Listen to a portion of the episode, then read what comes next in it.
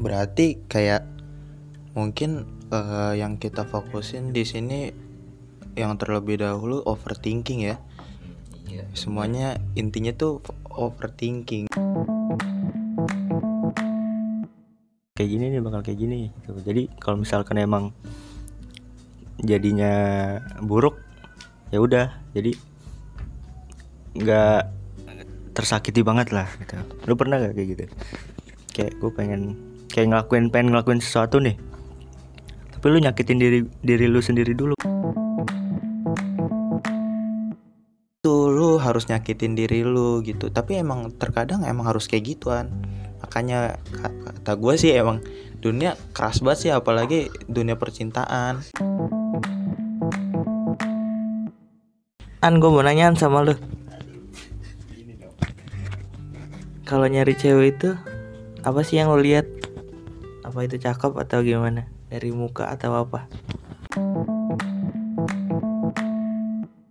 ya kayak gitu tanggapan lu gimana tentang pertemanan yang masa-masa sekarang lah kita ngerasain banget ke- kehilangan dan ketemu orang-orang baru nih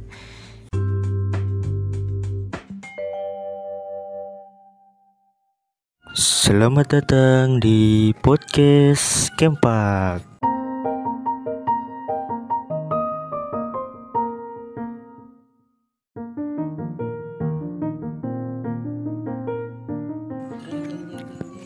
Oke, di episode kali ini kita kedatangan tamu lagi nih. Dan ini tamunya ada berapa orang nih? empat Tiga. Sebelum itu kita perkenalkan diri dulu dari yang pertama. Oke, dari yang pertama. Eh, saya Roy. Gua Adi lu semua pasti di sini udah kenal gue gue Viras Si paling dikenal banget nih. Jadi di episode kali ini kita eh, ngobrol-ngobrol lagi nih bareng teman-teman gue. Oh, gue nanya kabar dulu deh awal-awal nih. Yang paling gue lupa nih. Jadi kabar kalian nih gimana nih? Sehat-sehat aja kan? Sehat banget, alhamdulillah. Alhamdulillah sehat lah Alhamdulillah ya kalau ditanya kabar nih ya lu tanya tuh sehatnya mental apa fisik nih? Karena Udah mulai aja nih. apa ya? Mungkin sesuai dengan eh, pembicaraan kita selanjutnya. Mantap, mantap. umur umur kita mentalnya kan kurang sehat ya? Ya gak sih? Ya itulah kabar gua mentalnya. Alhamdulillah berusaha sehat. Terus fisiknya sehat banget Nah, yang tadi udah disebutin tuh sama Piras, kita topik kali ini tentang gimana nih rasanya menjadi dewasa deh sekarang-sekarang. Mungkin mikir-mikirnya nih, apaan sih lo di umur segini udah ngomongin dewasa? Nah, itu dia tujuannya. Eh, kok tujuannya? Itu dia lah, di umur-umur segini nih kita udah ngerasain hal-hal yang aduh kacau deh. Jadi gimana nih Ras? Rasanya jadi dewasa dah. Itu pertanyaan pertama.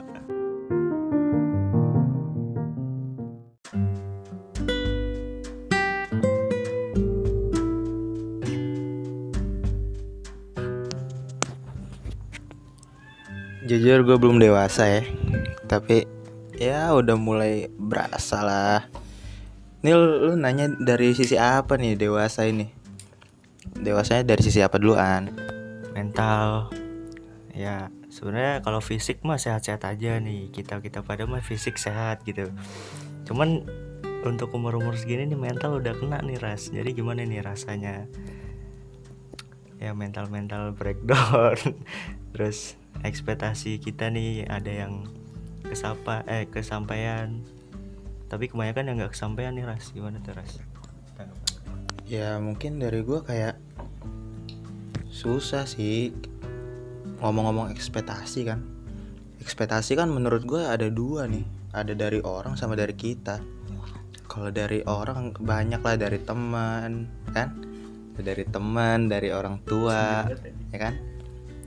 Kalau dari diri sendiri biasalah kita pengen diri kita jauh lebih baik. Cuma kayak di umur umur kita dunia tuh nggak segampang yang kita jalanin nggak sih? Ya kan susah emang. Pertama nih dari ekspektasi orang tua. Orang tua kita kayak pengen ya istilahnya orang tua udah ngebiayain dari kita kecil kan.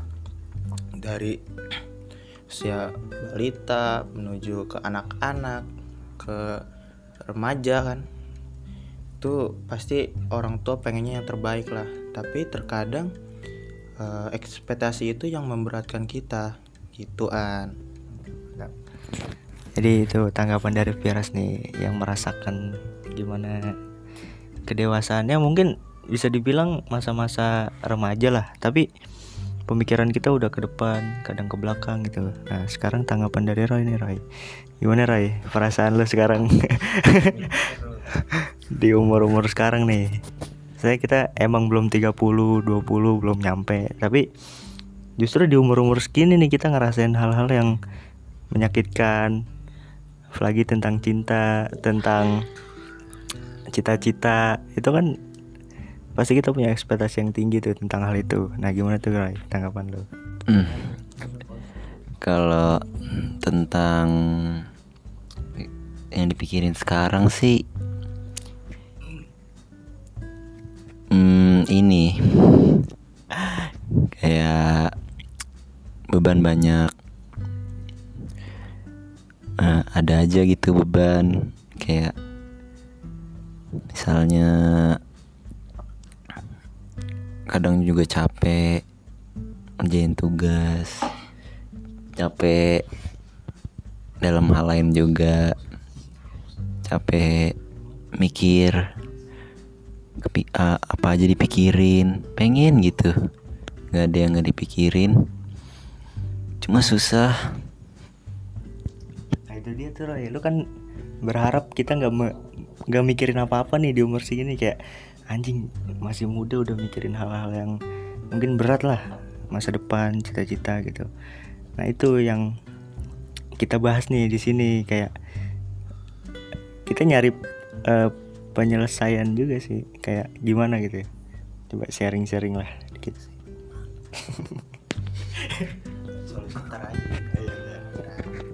Kalau penyelesaian sih gimana cara biar nggak mikirin hal, -hal kayak gitu sih? Kayaknya sih nggak bisa ya nggak ada. Soalnya kita mikirin kayak buat ke depannya gitu.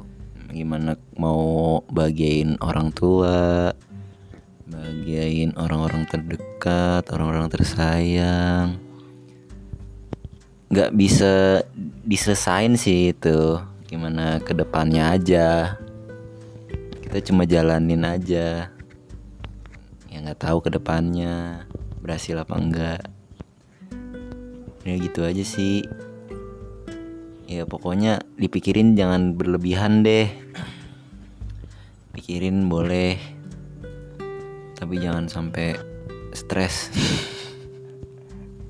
Pengennya sih gitu Roy. Kita nggak mikirin tapi kadang kepikiran gitu nah itu yang bikin kita stres. Di umur umur segini udah ngerasain stres overthinking apalagi kan. Jujur gue overthinking tuh maksudnya baru-baru tahu bahasa itu 2020 pas corona tuh. Apalagi pas kita di rumah aja kan itu udah kita udah mikirin hal-hal yang gak jelas lah. Dan sampai sekarang sih makin gede makin parah gitu pemikirannya. Jadi setelah ini langsung Adi gimana di tanggapan lo di perasaan dewasa sekarang. Apa ya? Ya mungkin Roy Wiras eh dewasa itu kayak eh mikirin orang tua beban tanggung jawab. Terus mikirin dia punya adik punya kakak. Ya kayak gitu. Kalau dari sisi gue gue tunggal ya orang tua gue ya ke gue semua. Tapi ya satu sisi semua harapan beban tanggung jawab stres bahagia sedih susah suka duka ada di gue semua.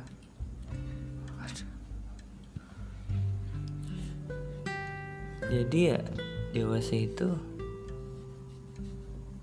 harus mikirin orang tua Berarti kayak mungkin eh, yang kita fokusin di sini yang terlebih dahulu overthinking ya. Semuanya intinya tuh overthinking. Ya gimana ya? Mungkin kata overthinking ini muncul baru-baru awal corona ini ya. Yang awalnya mungkin gue pikir hanya tentang kayak cin- cinta gitu kan. Tapi overthinking ini menurut gua luas banget. Apa pun yang lu pikirin dan lu ekspektasiin dan ekspektasi itu jauh dari lu, itu namanya overthinking. Jadi kayak sebenarnya salah nggak salah nggak sih kalau overthinking? Terkadang kita overthinking itu eh, bagus karena buat evaluasi diri kita Terus kayak uh, harapan kita apa sih ke depannya? Masa iya manusia nggak ada harapan ke depannya kan? Buruknya uh, it- balik lagi itu ngebebanin kita buat bikin diri kita lebih baik. Sedangkan yang gue bilang tadi semuanya nggak nggak mungkin berjalan eh, berjalan mulus gitu. Ada pasti ada satu dua masalah yang kita nggak bisa selesaiin sendiri gitu kan kita juga butuh orang lain. Nah itu gunanya teman juga sih. Kalau lagi overthinking lu pastilah punya teman yang kayak deket gitu buat eh, cerita-cerita eh, ngeluarin kelah eh keluh kesah lu kan. Gitu. Jadi ya menurut gue ada plus minusnya juga overthinking. Nggak selamanya buruk dan nggak selamanya baik. Gitu itu benar banget sih. Overthinking tuh kadang ganggu kita gitu ganggu hidup kita. Cuman semakin ke sini tuh gua kayak observasi lah ini overthinking sebenarnya tujuannya apa sih gitu. Sebenarnya overthinking itu tujuannya ya itu tadi yang dibilang kayak kita punya ekspektasi nih kita punya cita-cita ke depannya buat buat jadi yang pengen kita pengenin lah. Tapi ternyata kagak berhasil tapi ternyata nggak kecapai cita-cita kita yang kita udah mimpi-mimpi nih. Ya kayak segala macam gitu. Itu dia. Kayak gue mikir kayak overthinking nih. Apa sih anjing sebenarnya tujuannya? Ya makin ke sini kita udah memaksakan diri lah untuk tidak memikirkan hal-hal yang kayak gitu. Apalagi ya awal-awal mungkin overthinking kita kayak percintaan lah masa-masa sekolah ya kan masa-masa sekolah overthinkingnya tentang percintaan. Tapi pas udah lulus waduh itu udah makin-makin overthinking udah bercabang lah istilahnya. Kayak gimana nih cara dapetin duit? Gimana caranya bahagiain orang tua? Gimana caranya bahagiain adik adik bagian diri sendiri itu kadang kita diri kita sendiri aja kadang gak, gak tahu gitu bagian diri kita itu kayak gimana gitu. ya kalau menurut gue sih ya overthinking ini sebagai pengingat. Eh, pengingat ya kayak kalau misalnya takutnya kayak begini terbakal begini itu kan kepikiran tuh ya. Itu kan sebagai pengingat aja nggak tahu terjadi apa enggak tapi yang bikin sakitnya sih kalau overthinking itu jadi terjadi gitu loh. Jadi Iya dalam hal buruk. Jadi kan kita makin kayak terpuruk Makin Makin mikir lebih keras lagi. Jadi ya capek sendiri sih sebenarnya overthinking. Cuman ya gimana? Kayak iya kayak udah waktu Udah masuk dewasa begini Ya Ya gitu aja sih. Ya sebagai eh, sebagai pengingat aja boleh lah. Jangan sering-sering Se- nggak sehat juga sering-sering overthinking banyakkan pikiran. Jujur kalau misalnya overthinking hal-hal buruk tuh gue tipikal orang yang gue udah gue pengen ngelakuin sesuatu nih gue udah mikirin hal-hal buruknya dulu nih kayak gimana. Gue sering nyakitin diri gue diri gue diri eh diri gue sendiri dulu gitu kayak. Gue ng- ngelakuin ini bakal kayak gini nih bakal kayak gini gitu. Jadi kalau misalkan emang jadinya buruk ya udah. Jadi nggak tersakiti banget lah gitu. Lu pernah gak kayak gitu? Kayak gue pengen kayak ngelakuin pengen ngelakuin sesuatu nih. Tapi lu nyakitin diri diri lu sendiri dulu kayak "Oh, ini bakal kayak gini bakal kayak gini hasilnya bakal buruk gitu. Tapi kadang yang kita pikirin buruk hasilnya baik. Tapi ya nggak selamanya baik sih. Gue sering kayak gitu.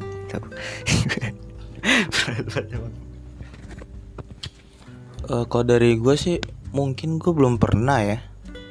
Soalnya yang gue tangkap dari Aan tadi bilangnya mungkin istilahnya dulu awalnya pahit dulu ya. Tapi di balik itu pasti ada manisnya gitu kan Ya, contohnya apa dulu nih An? Lu kayak gimana ekspektasinya? Entah apa apa pun itu yang lu pikirin. Jujur kalau misalnya hal buruk kayak gitu gue tentang percintaan ras. Gue percintaan nih kalau misalnya gue deket gue pengen deketin siapa nih?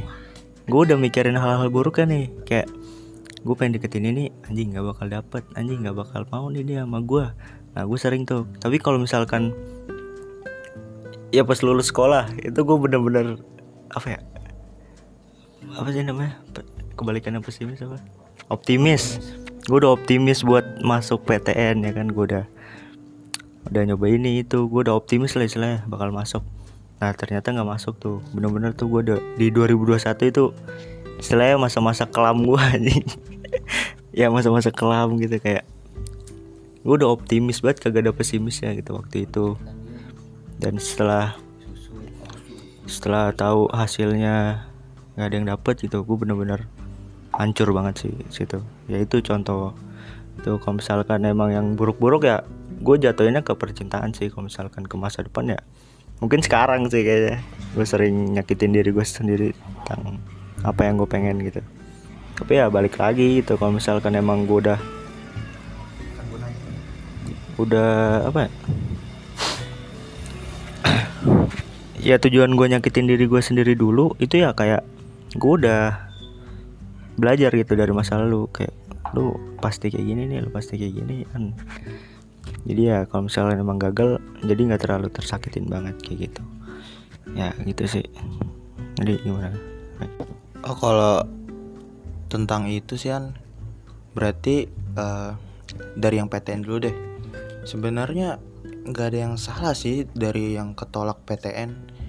Gue yakin nih kalau misal lu kuliah juga sekarang pasti susahan. Pasti ada pokoknya ada baiknya lah. Contohnya apa?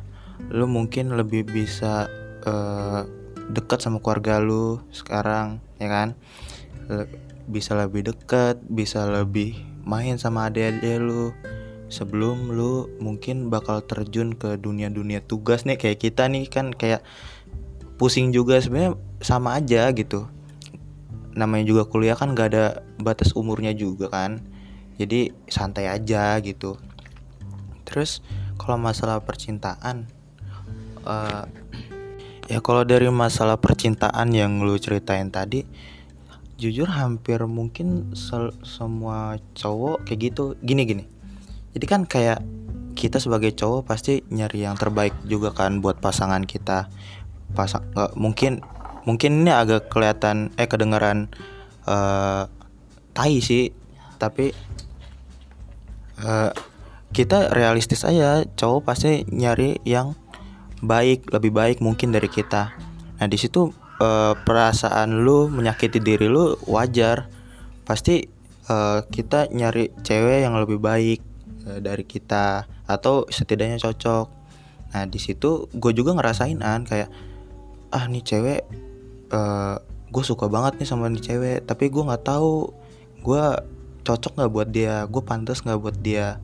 Pasti lu naro eh, apa namanya ekspektasi buat diri lu sendiri pasti tinggi demi eh, mendapatkan cewek ini kan? Tapi balik lagi ke beda-beda sifat cewek.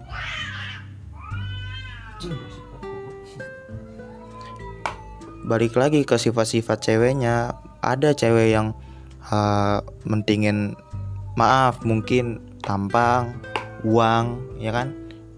Tapi nggak nggak dikit juga cewek yang kayak uh, mentingin uh, sebagaimana dia dibikin nyaman sama cowok itu. Jadi kayak santai aja. Kalau misalnya tuh cewek mau sama lu mau lu sejelek apa semiskin apa juga santai aja gitu menurut gua. Kalaupun tuh cewek eh, nggak uh, mau sama lu ya udah itu jadi pelajaran ke depannya oh gua harus apa nih ke depannya apakah gua harus rehat dulu deketin cewek? Gitu. Karena uh, kalau buat percintaan sih ya umur kita tuh makin gede makin males nggak sih deketin cewek? Ma makin males basa-basi ya kan? Kayak harus serius gitu kan. Kan kasihan juga anak orang kalau misalnya kagak diseriusin kan. Apalagi buat lulu semua nih ya yang kayak masih main-main sama cewek masih nganggap sepele hati ceweknya lu inget dong. Bapaknya ngerawat dia bahagian dia masa dia dibikin sedih sama orang yang bukan siapa-siapanya dia kan nah menurut gua bagus banget uh, lu menyakiti diri sendiri bagus karena uh, lu mau ngasih yang terbaik buat pasangan lu gitu. Kalau misalnya lu kagak ngasih yang terbaik ya udah nggak usah ngincer cewek ya. Sesimpel itu udah buruknya uh, itu lu harus nyakitin diri lu gitu. Tapi emang terkadang emang harus kayak gituan. Makanya kata gue sih emang dunia keras banget sih apalagi dunia percintaan. Kalau misal dunia percintaan gue bukan si paling percintaan ya. Cuma kayak ya relate lah iya. lu gak harus bahagia terus anjir. Bukan mungkin lu bakal bahagia berapa bulan setelah jadian gitu kan. Tapi lu bakal diuji lagi setelah lu udah jadian atau bahkan lu belum jadian sama sekali kan. Deket doang nggak ada yang tahu orang tuh pasti bakal bisa berubah. Nah saran gue ya lanjutin aja tapi jangan terlalu nyakitin diri lu gitu. Aduh itu udah lebat sih kacau. Tapi bener sih yang dibilang Piras gitu. Gue balik lagi nih ke PTN yang kemarin eh ke PTN dulu. Kenapa gue ngincer banget PTN karena keluarga gue nih ras pengen banget gue PTN makanya gue nyoba UM mandiri kan semua. Jadi kalau misalnya nggak dapet PTN ya ya udah gitu. Mending gak usah kuliah gitu gila. Itu sih yang kata-kata yang bikin gue overthinking itu. Mana yang soal percintaan kalau misalnya tadi lu bilang rehat gue udah rehat berapa tahun gitu rasanya rehat gue bener-bener udah rehat banget dah pokoknya yang terakhir masalah sih dua tahun itu. Gue dua tahun udah nggak ngedeketin siapa-siapa. Gue nggak berusaha buat harus ada cewek nih. Oh ya walaupun banyak gitu teman-teman gue yang kadang jodoh-jodohin kadang kenal-kenalin tuh gue masa bodoh. Tapi untuk yang sekarang nih gimana? Nah, makanya untuk yang sekarang gue ngerasain lagi kan jatuh cinta kan sama seseorang itu yang bikin gue kadang anjing nih ngapain sih? Ini orang kok masuk masuk nih kok orang nih kok cewek masuk ke pikiran gue ke hati gue gitu. Awal-awal tuh jujur gue awal-awal kayak wah gue ada rasa nih kayaknya nih sama dia. Itu gue nggak langsung ngedeketin ras. Gue berusaha buat ngusir dia bahkan kayak ngusir dalam pikiran gue gitu kayak ini orang ngapain sih nih? Pergi apa pergi? gitu. Nah ternyata semakin ke sini semakin gak bisa ras gitu. Soal percintaan makanya kadang capek juga sih. Kalau misalkan percintaan itu itu hal yang paling gue benci pada eh kadang ini. Cinta itu hal yang paling gue benci dan paling gue sukain. Sukain kayak ah gue normal nih. Gue bisa suka lagi sama cewek. Gue seneng tuh di situ. Tapi yang bencinya lagi kayak gimana dapetin dia gimana cara yang mempertahan kayak mempertahankan hubungan kalau misalkan emang udah dapet gitu. Itu yang bikin gue benci sih kayak overthinking overthinking gak jelas gitu.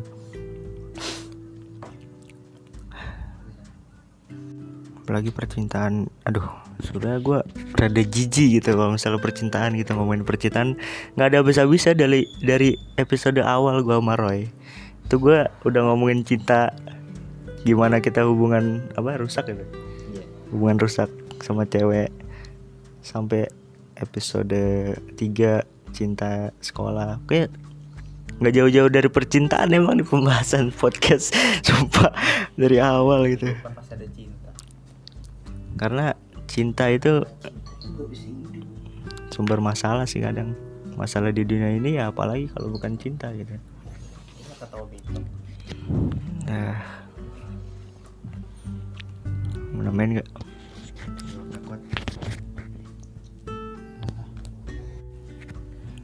Waduh, kalau masalah cinta nih, An, aduh, luas banget pembahasan kita kalau cinta ini kan tentang dewasa ya.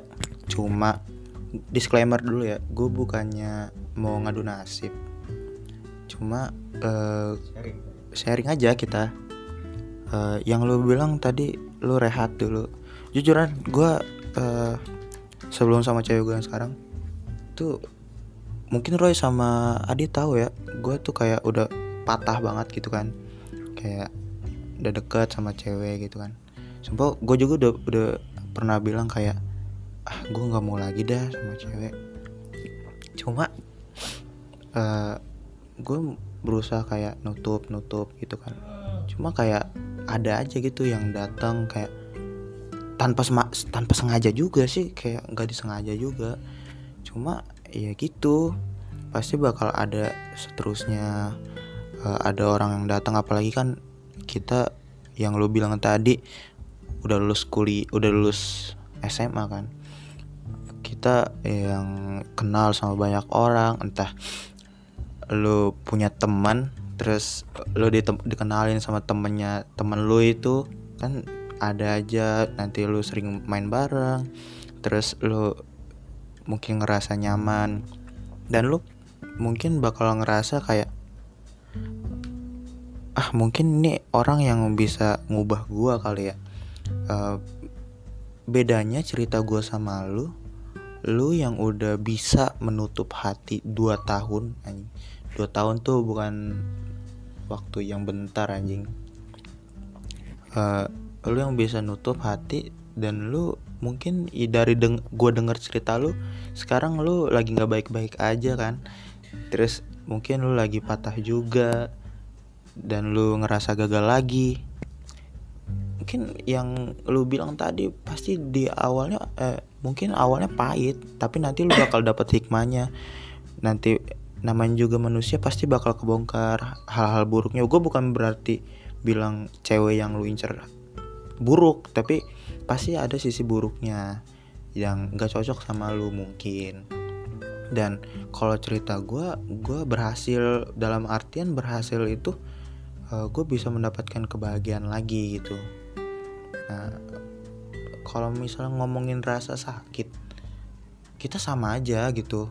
Kayak gue juga jujur aja nih an gue gue juga sering gitu kan nangis gara-gara cewek. Mungkin kayak cemen ya cuma ya udah udah natural aja gitu.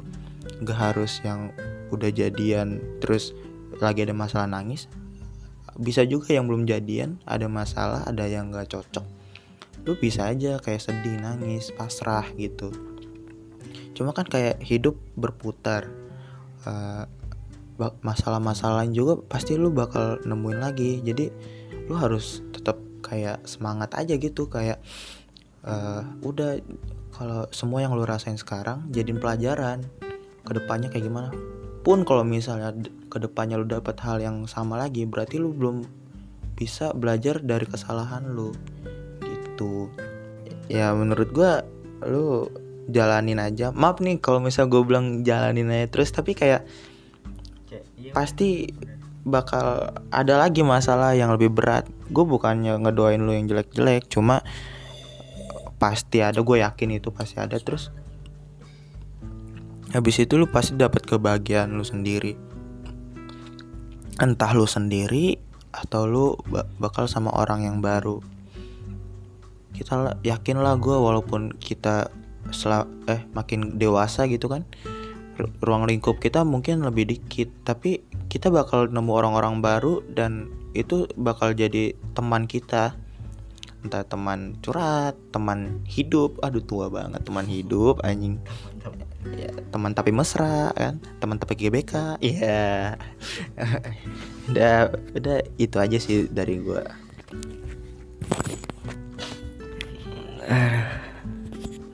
Emang kalau soal percintaan tuh emang kagak ada habis-habisnya guys. Ya jadi tuh kalau misalnya punya suatu hubungan pasti kan ada aja masalahnya tuh kan.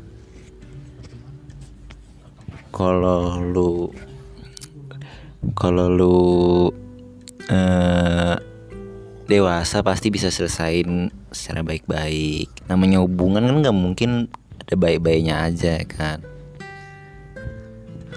Nah, jadi lu kalau misalnya lu belum siap kayak menghadapi masalah-masalah yang ada, jangan jangan jangan cari pasangan dulu deh. Nanti aja. Takutnya kan ya belum bisa ini, belum bisa nyelesainnya. Jadi ya harus siap sih sebenarnya kalau mau punya pasangan tuh jangan jangan mikir enaknya doang harus siap juga kayak ngadepin masalah-masalah yang ada gak mungkin kan hubung hubungan flat-flat aja gitu kan. Ya harus bisa diselesain secara baik-baik. Kalau bisa eh, nah, eh, dalam masalah itu tidak boleh ada kata putus. Kecuali orang yang lu suka itu udah suka sama orang lain. Baru itu udah udah nggak bisa ngapa-ngapain lagi. Udah nggak bisa ngapa-ngapain lagi kalau kayak gitu. Kalau udah masalah itu udah angkat tangan deh. Kalau masalah-masalah kecil masalah-masalah apa gitu kan mesti diselesain kalau udah masalah ada ada orang baru udah susah. Nggak bisa. Ya. Udah itu aja sih tambahan dari gua mah ingetin aja. Kalau ada masalah tuh diselesain. Jangan ada kata putus kecuali ada orang baru. Dah.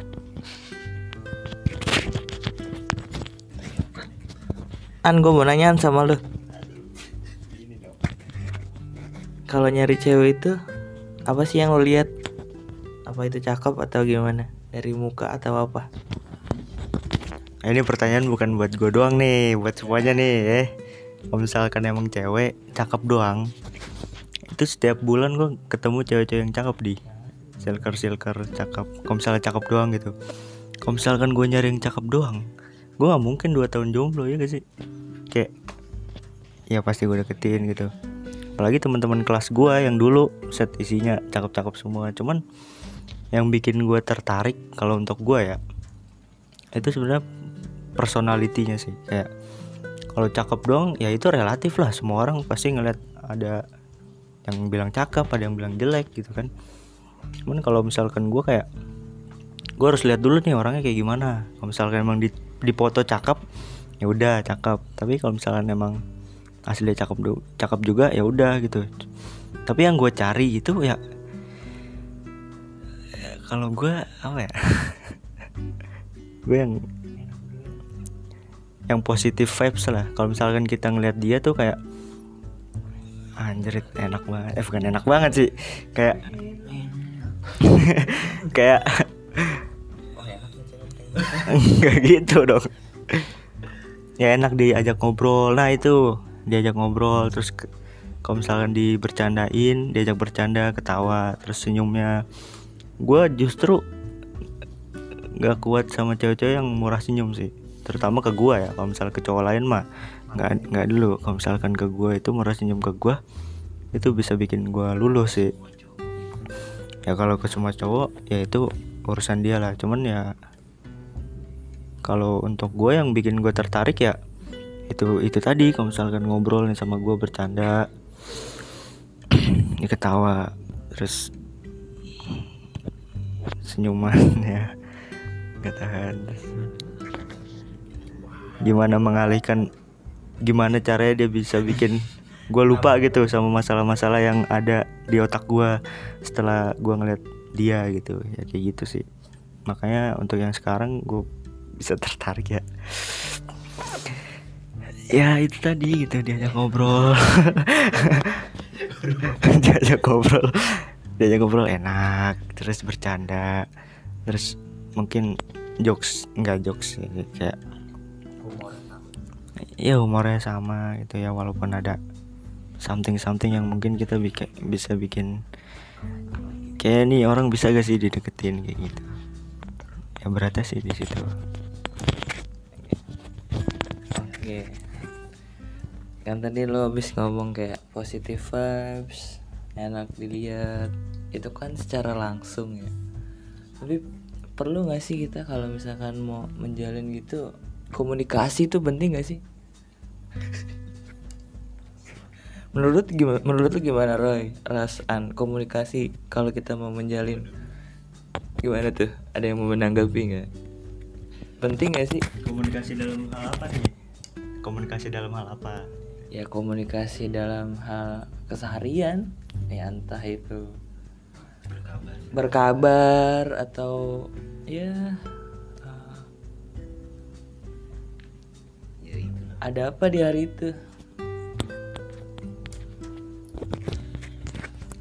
Ya, menurut gua ya, menurut gua dulu komunikasi itu hal paling penting sih dalam hubungan. Pertama komunikasi, dua kedua percaya. Tapi percaya itu lebih ke udah udah jadi ya.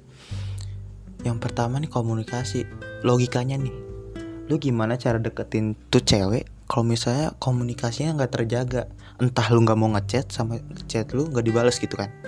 Apalagi mungkin mungkin mungkin eh, banyak eh, tipe-tipe cewek yang beda-beda mungkin.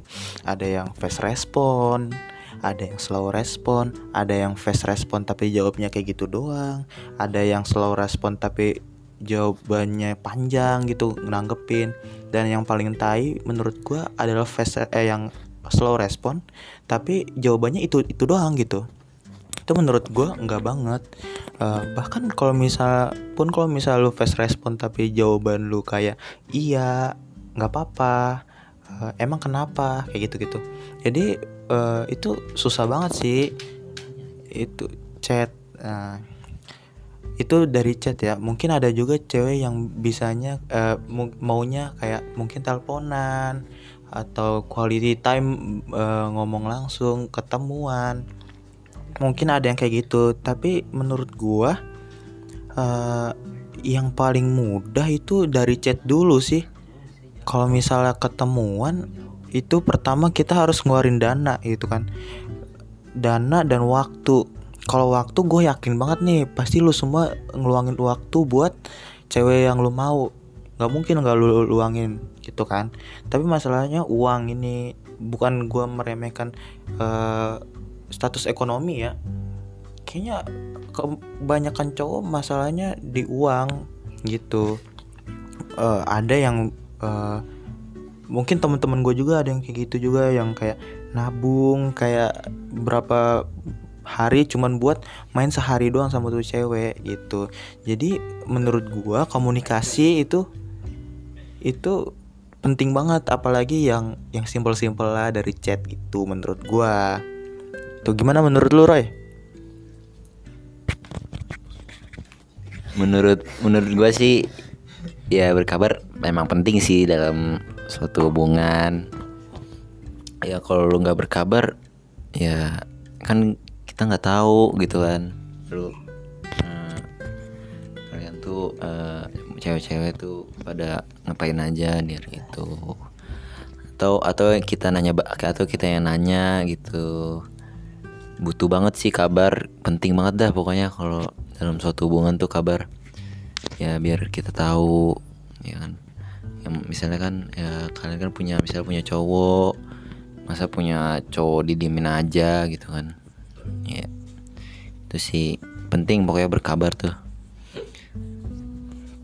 Kalau misalnya kalian kayak bales balesnya agak lama aja itu kan dicariin pasti cariin. Nah, jadi ya intinya berkabar. Berkabar itu penting. Ini kalau menurut Aan gimana nih?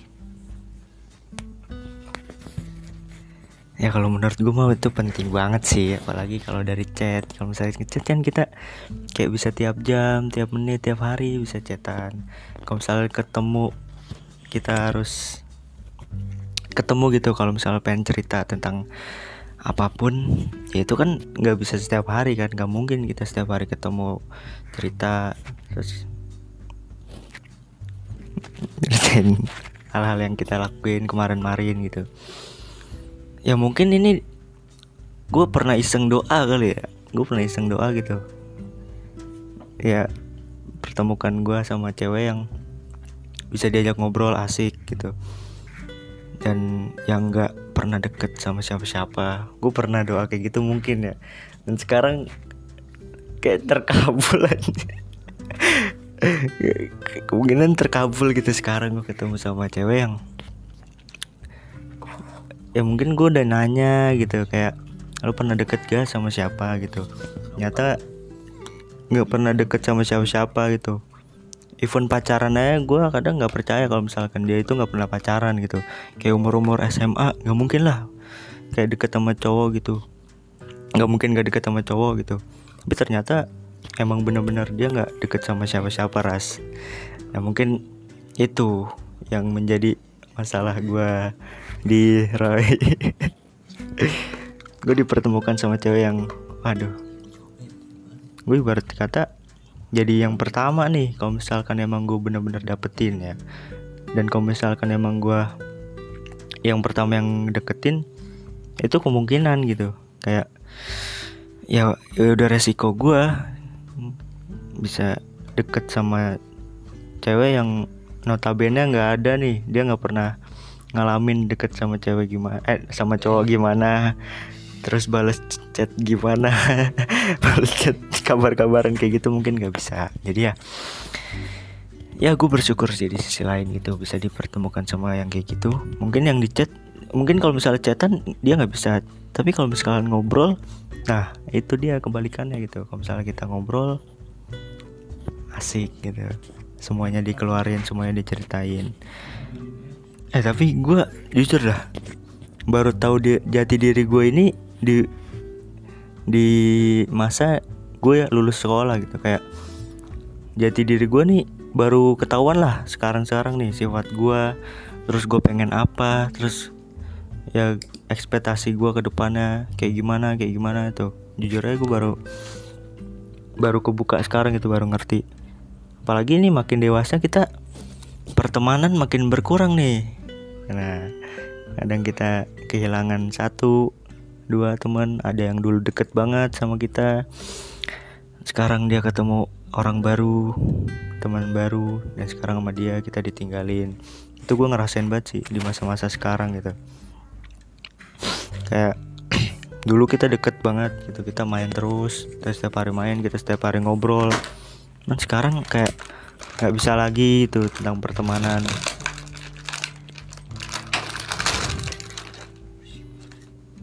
Jadi gimana nih tanggapan lo tentang Lo pernah gak sih kayak kehilangan teman gitu yang dulunya deket banget sama kita?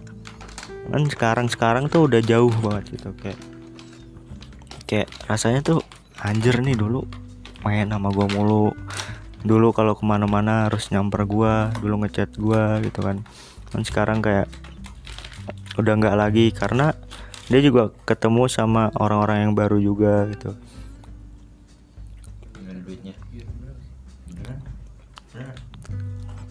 tapi tapi di sisi lain nih kadang kita udah kehilangan nih satu temen. Ntar kita ketemu orang baru ketemu orang baru gitu. Bener-bener nih di masa-masa kayak gini nih gue ngerasain banget kayak gue kehilangan satu temen. Tahu-tahu besok ketemu orang baru yang bisa diajak uh, cerita lagi gitu. Ya kayak gitu. Tanggapan lu gimana tentang pertemanan yang masa-masa sekarang lah kita ngerasain banget ke kehilangan dan ketemu orang-orang baru nih. Kayak gitu. Waduh, masalah pertemanan ya kita udah beralih topik. Eh, masalah pertemanan ya. Gue jujur orangnya susah berteman sih an. Susah banget berteman. Kalau dihitung mungkin hitungan jari lah teman gue bisa tolong diem? Bisa tolong diem? Matikan mute. Nah ya. Maaf ya mengganggu. Eh, kita dari SD aja kali ya semua cerita tentang pertemanan ya biar panjang. Gue dari SD itu adalah anak yang eh dibully. Jujur jujur gue merasa kayak dibully eh, tentang mungkin fisik gue tapi eh, di situ gue berusaha membuktikan kalau gue layak kok layak loh temenan sama lu. Ya kan? Kayak hampir kelas 2 tuh gue hampir tiap hari berantem pukul-pukulan. Pukul-pukulan anak SD eh, i- itu gara-gara eh, berantem gitu gara-gara kata-kataan gitu. Eh, mulai dari kelas 5 gue kelas 5an lah ya gue nggak tahu spesifiknya. Gue mulai berbaur eh, cari arti kata pertemanan mungkin itu masih kayak bocah banget lah ya. Ya udah kita main-main-main akhirnya gue percaya diri lah buat berteman sama orang gitu kan. Eh, lanjut ke SMP pas SMP gue itu pesantren sama Roy. Gue pesantren berdua eh nggak berdua doang maksudnya rame. Itu pas kelas awal baru baru masuk itu kayak gue belum menganggap semua di angkatan gue itu teman gitu tapi eh, entah kenapa mulai seiring berjalannya waktu gue nyaman banget sama orang-orang ini. Kayak gue kayak nggak bisa gitu kalau kayak tanpa mereka gitu. Kayak apa apa minta tolong sama mereka bercanda sama mereka. Eh, kayak gue ngerasa nyaman gue curhat-curhatan. Gue yang perta yang paling di gue suka adalah gue ngerasa diakuin gitu. Ngerasa diakuin dalam tanda kutip kayak bukan diakuin wah gue jago apa jago apa bukan. Gue ngerasa diakuin eh, gue dianggap ada gitu. Gue selalu diajak ke mana-mana main tanpa ya mungkin eh, basicnya anak pesantren kayak solid banget ya. Anak pesantren pan anak pesantren tuh kayak solid banget gitu. Habis itu kita gua ke SMA kan. Gua ke SMA jujur gua ngerasain hal yang gua rasain pas SD gua kayak merasa diasingkan gitu kayak yang lain nongkrong gua enggak gitu. Nah gue di situ eh, gara-gara gue deket sama cewek terus eh, cewek itu minta gue masuk osis. Dan gue kayak ya udahlah si cewek ini juga pengen masuk osis dia lulus eh dia dia nggak lulus gue lulus anjing. Nah di sekolah gue itu osisnya bukan orang-orang yang bisa dibilang orang-orang yang punya power lah di angkatan gitu. Anak-anak yang eh, terbilang diam gitu. Nah di situ gue kayak gue juga termasuk diam dan gue juga kayak ngerasa ngerasa nggak diakuin sama teman-teman gue akhirnya singkat cerita gue main PUBG PUBG gitu kan. Gue ketemu lagi nih sama Roy sama teman gue namanya Adam terus ketemu Adi gitu kan. Udah tuh gue ngerasa kayak nyaman lagi tuh. Wah gila gue hidup lagi nih punya teman banyak gitu kan. Eh, terus kita juga pernah punya masalah kan sama Adam gitu kan. Kalau Adam denger ini maaf ya Adam ya. Nggak cuma ya udahlah udah udah lewat juga kita udah main lagi gitu kan. Nah kalau kataan tadi ada yang pergi dan ada yang datang gitu kan. Karena ada orang baru. Gak usah jauh-jauh nih. Adi pasti eh, ketemu gue ngerasa Adi juga ngejauh dari gue bukan ngejauh dalam arti buruk ya. Kayak dia punya teman baru lagi kayak tempat teman kuliahnya. Jadi mungkin manusiawi nggak nggak bisa eh, main sama kita lagi susah nge- ngebagi waktu gitu.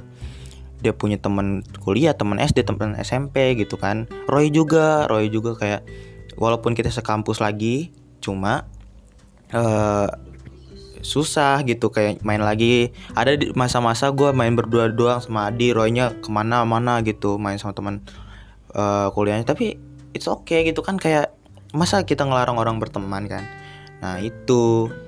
Terus gue ketemu lu nih an. Kalau yang baru tahu gue baru kenal Aan berapa? Ini berapa bulan? Belum setahun. Iya, tapi ya udah kayak temenan aja gitu. Makanya gue bilang tadi ruang lingkup kuliah tuh makin gede bukan teman sekolah doang gitu. Itu sih dari gue maaf ya panjang banget nih.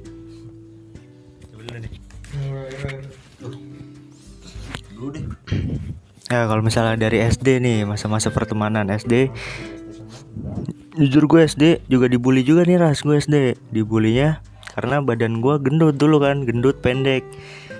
Ya gue panggilan gue nama gue Parhan kan kalau misalnya di kelas. Itu semenjak gue gendut tuh kelas-kelas 3 mungkin udah kelas 3 itu gue udah gendut udah pendek bogel. Udah tuh gue dipanggil bogel sampai lulus tapi sisi positif ya setelah gue kayak gel gel dipanggil bogel terus sampai gue lulus SD SMP ku eh, kelas 7 ma- kelas 7 masih gendut lah. Nah semenjak itu gue makin eh, makin mikir gitu kayak aduh gue harus ngerubah badan nih mungkin. Kayak harus kurus tuh dan di SD juga gue nggak terlalu berteman juga kan. Ya masa-masa SD SD gue dulu kayak tawuran gitu. Tawuran masih masih zaman zaman tawuran lah istilahnya.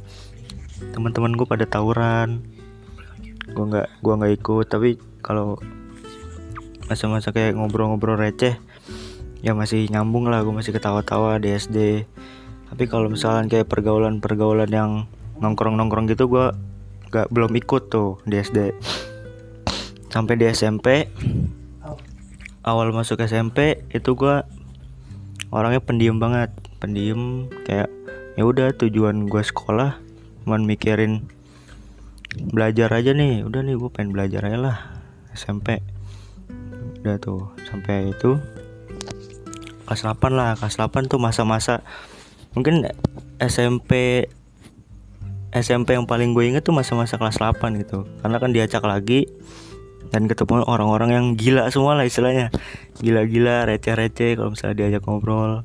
Nah di situ sih gue merasa kelas 8 terus sampai bangku sekolah yang ada rodanya tahu gak lo nah itu dibuat mainan sama kelas gue dulu kelas gue kan di, di lorong gitu ya. Mendorong-dorongan pakai bangku guru. Itu masa-masa seru lah istilahnya. Sampai akhirnya masa-masa seru itu berakhir pas gua kelas 9 jadi kelas 9 itu gue dimasukin ke kelas 9F nah kalau 9F itu di sekolah gua dulu itu tipikal orang-orang yang bandel semua ras. Nah setelah gua ngeliat nama gua ada di 9F gua udah kayak anjing gua bandel apaan? Kayaknya gua nggak terlalu bandel banget kan dulu kelas 8 kayak ya bener-bener 9F tuh udah tempat-tempat kayak ya orang-orang brutal lah di sekolah gua gitu. Tapi ternyata pas gue udah masuk ke kelas itu ternyata sebaliknya ras. Ini bukan gue sombong apa gimana nih. Ternyata 9F yang gue masukin itu sebaliknya. Ternyata itu isinya orang-orang yang ranking semua. Istilahnya kelas unggulan lah. Tapi di sisi lain juga gue bingung juga tuh di situ. Anjing. Gue juga nggak pinter-pinter amat kan dulu kenapa gue dimasukin ke kelas unggulan di situ beban juga tuh buat gue ya walaupun ranking lah di kelas 8 tapi dimasukin ke kelas-kelas yang isinya ranking 1, ranking 2 ranking 3 kan ngedown juga kan. Jadi kita makin bawah.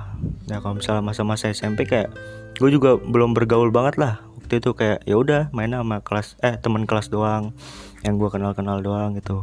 Kalau pertemanan ya udah cuman segitu-gitu doang. Apalagi pas kelas 9 tuh gue bener-bener nggak kayak nggak bergaul lah cuman cuman itu itu itu doang tuh teman-teman gue di kelas 9 sampai pada akhirnya lulus mindset gue langsung gue pengen rubah lagi gue nggak pengen kayak SMP ya masa-masa pertemanan gue tuh dimulai di masa-masa SMA di man gitu. Jadi pas masuk man ya gue masih masih ngeliat kondisi lah nih man kayak gimana sih walaupun mindset gue gue kan dari SMP ya bukan dari MTS gitu. Mindset gue masuk man itu wah orang-orangnya bakal alim semua nih. Orang-orangnya bakal tahfiz gitu orang-orang pesantren gitu. Kayak awal-awal masuk gue pakai peci ya ke mana-mana. Udah lu orang-orang yang pesantren mah biasa aja kan ya kayak gitu. Sampai pada akhirnya ya kebuka semua lah nih sifat-sifatnya. Dan gue nggak pengen sifat SMP gue gue bawa di SMA makanya gue di man tuh rada brutal ras. Rada brutal banget lah. Ya brutal nggak brutal banget. Cuman brutal dalam artian gue pengen berteman nih sama lu. Gue pengen berteman sama lu sama lu sama lu sama semua orang gitu. Nah di SMA sih gue eh, pertemanan tuh makin luas. Sampai kakak kelas gue temanan juga sama kakak kelas sama kelas-kelas lain. Bisa bikin eh istilahnya grup lah. Bisa bikin grup sama anak kelas lain yang bukan sekelas sama kita bisa ngobrol sama itu. Nah, itu kayak ya istilahnya caper-caper gue tuh di di man tuh. Masa-masa caper gue ke semua orang bukan ke cewek gitu. Dia masa-masa yang paling gue inget kalau pertemanan ya SMA gitu. Makanya setelah lulus dari SMA nah itu gue ngerasain banget kayak wah gue bakal kehilangan ini gue bakal kehilangan itu dan benar gitu. Kadang gue gue udah kehilangan satu orang udah nggak main lagi. Itu yang gue takutin sih kayak ya udah. Tapi itu hal wajar juga sih sebenarnya. Kayak ya udah kan punya kesibukan masing-masing semua. Tapi ya di sisi lain kayak gue kehilangan nih satu nggak bisa main lagi sering gitu. Nyata gue ketemu lagi nih orang-orang baru kayak Piras gitu. Ya awal-awal gue kenal Piras tuh kayak ya udah gue main ke rumahnya. Diajak ke Madi sama Hilman ya waktu itu Hilman. Gue kemari kenal sama Piras. Ya udah sok apa ya gitu. Tiba-tiba ngobrol tiba-tiba nggak jelas. Ya udah. Ya tentang pertemanan ini ya sudah ada yang disyukurin ada yang di ada yang di apa sih sesalin. Eh bukan sesalin sih kayak ya udah resiko gitu kalau misalkan emang kehilangan. Sebenarnya bukan kehilangan sih lebih ke yang dulunya main terus nyata sekarang udah nggak bisa main lagi. Ya itu kayak gitu. Ya kalau untuk pertemanan ya itu tadi. Tiap tahun itu gua ketemu orang-orang yang baru gitu. Kayak tahun ini gua ketemu orang ini nih tak tahu tahu-tahu udah nggak main lagi. Ya udah tiba-tiba ketemu orang baru lagi kayak circle circle circle yang bahkan kita ya masuk aja gitu. Pas nongkrong diajak kenal lagi kenal lagi. Ya gue senang banget sih di situ. Ya di sisi lain gue takut juga bakal kehilangan lagi bakal nggak main lagi. Ya, di situnya sih gue kadang mikirin kalau pertemanan itu ya bisa pudar bisa terang ya gitu. Jadi gimana nih? Udah nih gue udah selesai. Yang kita Roy Ya, kalau soal pertemanan dari SD ini kan gue pernah tinggal di Bogor. Jadi gue SD kelas 1 di Bogor. Ya semester 1 kayak belum belum kenal banyak temen sih, cuman ya udah. Habis itu kan pindah pindah ke Bekasi, otomatis pindah sekolah juga dong ya. Pindah ke SD negeri. Nah, dari SD negeri itu dari kelas 1 semester 2 sampai kelas 4 akhir. Ya main banyak lah teman mah. Cuman kayak kelas 4 tuh kayak pernah digangguin gitu ada sama orang. Tak lupa namanya siapa. Jangan gitu dong. Nah or, uh, or, uh, or- namanya or- ah, ah, digangguin pas kelas 4 jadi tuh kayak buat gua nggak betah. Jadi gua kayak mau minta pindah karena emang kayak nggak mau kan risih gitu gangguin gitu. Kayak dibully juga lah hitungannya. Pindah lagi ke SD neg SD IT lagi. Pindah ke SD IT itu dari kelas 5 sampai kelas 6 itu nanggung banget ya emang. Cuma dua tahun doang. Eh, nah itu di SD IT itu pas kelas 5 muridnya satu angkatan cuma 27 kelas 5 itu. Nah, ya teman-temannya enak lah. Masih enak, ah, enak, enak buat ini ngobrol bercanda. Nah, pas kelas 6 itu kan SD IT gua kayak mecah yayasan. Jadi mecah yayasan jadi kayak ada ada yang pindah ada yang pindah yayasan, ada yang netap. Nah, yang pindah yayasan itu ada 20-an orang. Nah, sampai sisanya tuh eh tujuh orang apa kalau nggak salah tuh kelas 6 Ya udah jadi ya dengan tujuh orang itu ya akrab sih alhamdulillah. Tapi sekarang sih sekarang udah jarang kontek-kontekan nama yang SD bertujuh itu.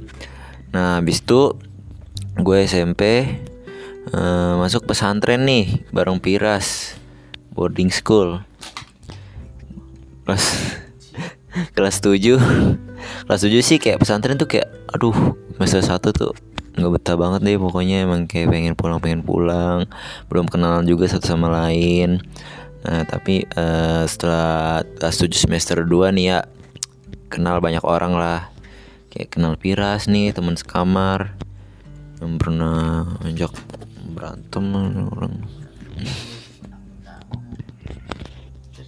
Tahu nih gue bilang nggak nggak mau berantem. Berantem Tar dulu tar dulu. Oh iya udah lanjut iya iya berantem.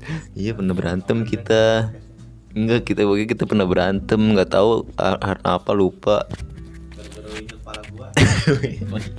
Kan itu nggak sengaja. Emang sengaja gue nginjek kepala lu. Nah eh, emang sih masih SMP tuh eh, seru banget tuh pas kelas 8 pas kelas 8 ke atas kelas 8 ke atas tuh kayak seru banget nih pesantren kayak ya, enak gitu teman-temannya juga. Main. Nah, lebih lepas saya gitu pesantren jadi jadi kayak pengennya tuh eh, pesantren aja eh pengennya tuh tinggal di boarding aja gitu. Pulang ke rumah pengen sih pulang ke rumah juga cuman ya ya gitu deh. Ya, banyak teman juga kan. Udah Nah, kelas 9 ya sama sih lebih lebih berasa lagi sih feelnya. Pesantren tuh teman-temannya juga lebih lebih deket lah banyak yang lebih deket. Curhat sana sini gitu curhat eh, cerita di kamar rame-rame. Seru lah pokoknya banyak kisah sih SMP nah s- eh, habis itu dari SMP boarding school eh, lanjut ke man. Man keman juga nemu lagi ketemu lagi teman-teman. Awalnya sih masuk masuk kelas 10 kayak kayak emang tuh gua orangnya kan kayak yang eh, susah kalau awal-awal tuh kayak kenalan. Kayak diam-diam aja gitu. Tapi ya eh, akhirnya kenal kenal kenal juga. Eh akhirnya bisa akhirnya bisa kenalan bisa kenalan juga sama eh, teman-teman ada sih yang kayak paling deket. Ya kita kayak bikin apa sih namanya Ya, tadi yang An bilang bikin grup gitu. Nah itu sih emang yang apa temen yang yang bikin tuh Aan namanya. Hmm. Ya itu teman-teman yang ini sih yang yang yang apa yang pertama kali yang apa pertama kali kenal deket lah sebelum yang lain. Soalnya kan yang lain eh anak tongkrongan gitu kurang. Jadi nggak terlalu deket. Ini man juga nggak pernah nongkrong gitu-gitu. Kenal ya sama teman itu berla berlapan sama gua. Itu ya sering sering keluar bareng lah. Kayak cerita cerita juga gitu pernah sering. Sampai kelas 11 ini ini ini